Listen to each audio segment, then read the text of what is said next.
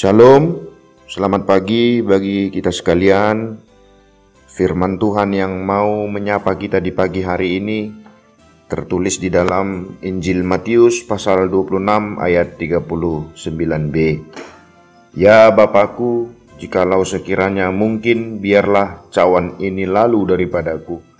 Tetapi janganlah seperti yang ku kehendaki, melainkan seperti yang kau kehendaki. Getsemani jadi saksi pergumulannya.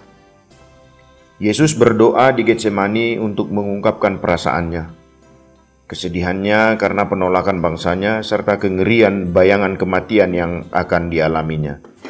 Yesus mengajak Petrus, Yohanes, dan Yakobus berdoa di taman itu dengan harapan mereka dapat mendampingi dan memberi dukungan kepadanya. Namun sayang, di tengah perjuangan menggumuli beban berat, Yesus menemukan para muridnya tertidur tanpa beban. Sekalipun Yesus telah meminta mereka untuk berjaga-jaga, mereka tetap tertidur.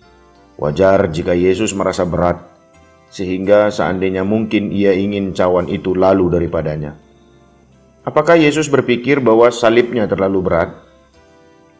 Teringat bagian akhir doa Yesus di Taman Getsemani, bukan kehendakku tetapi kehendakmu Bapa.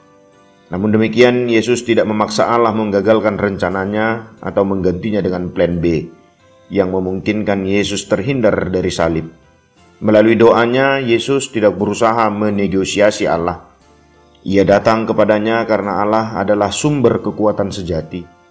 Ia berharap supaya dimampukan memiliki kesiapan hati melakukan tugas perutusannya. Ia berserah, menundukkan diri dalam kehendak Bapa. Dalam kemanusiaannya, Yesus memang sempat memikirkan untuk lari dari kenyataan, sehingga ia berkata, Ya Bapakku, jikalau sekiranya mungkin, biarlah cawan ini lalu daripadaku. Ia memikirkan mungkin ada cara lain yang bisa ia dapatkan sebagai peluang kedua. Akan tetapi Yesus sadar sebagai utusan Allah, ia tidak boleh menghindar dari kenyataan, sebab ia tahu ia diutus bukan untuk mati di taman Getsemani, tetapi ia diutus untuk mati di atas kayu salib. Hal ini membuktikan bahwa penderitaan tidak dapat dielakkan lagi. Namun Yesus bersedia menjalaninya karena kecintaannya pada Bapa dan kepada manusia yang percaya padanya. Doa Yesus mengungkapkan satu rahasia keberhasilan doa bahwa bukan doa yang penuh dengan keegoisan yang Yesus ajarkan, tetapi doa yang penuh penyerahan diri. Bukan doa yang memimpin kehendak Bapa, tetapi doa yang dipimpin oleh kehendak Bapa. Kesulitan yang terjadi atas kehendak Allah adalah proses yang memungkinkan kita mengalami pertumbuhan iman, tetapi banyak orang yang menghindarinya. Mereka lebih senang menerima mujizat kemudahan. Lantas, Akankah kita menolak untuk taat dan memaksa Tuhan menuruti keinginan kita? Tuhan Yesus tidak mengajar kita untuk menyerah, melainkan berserah diri kepada Allah.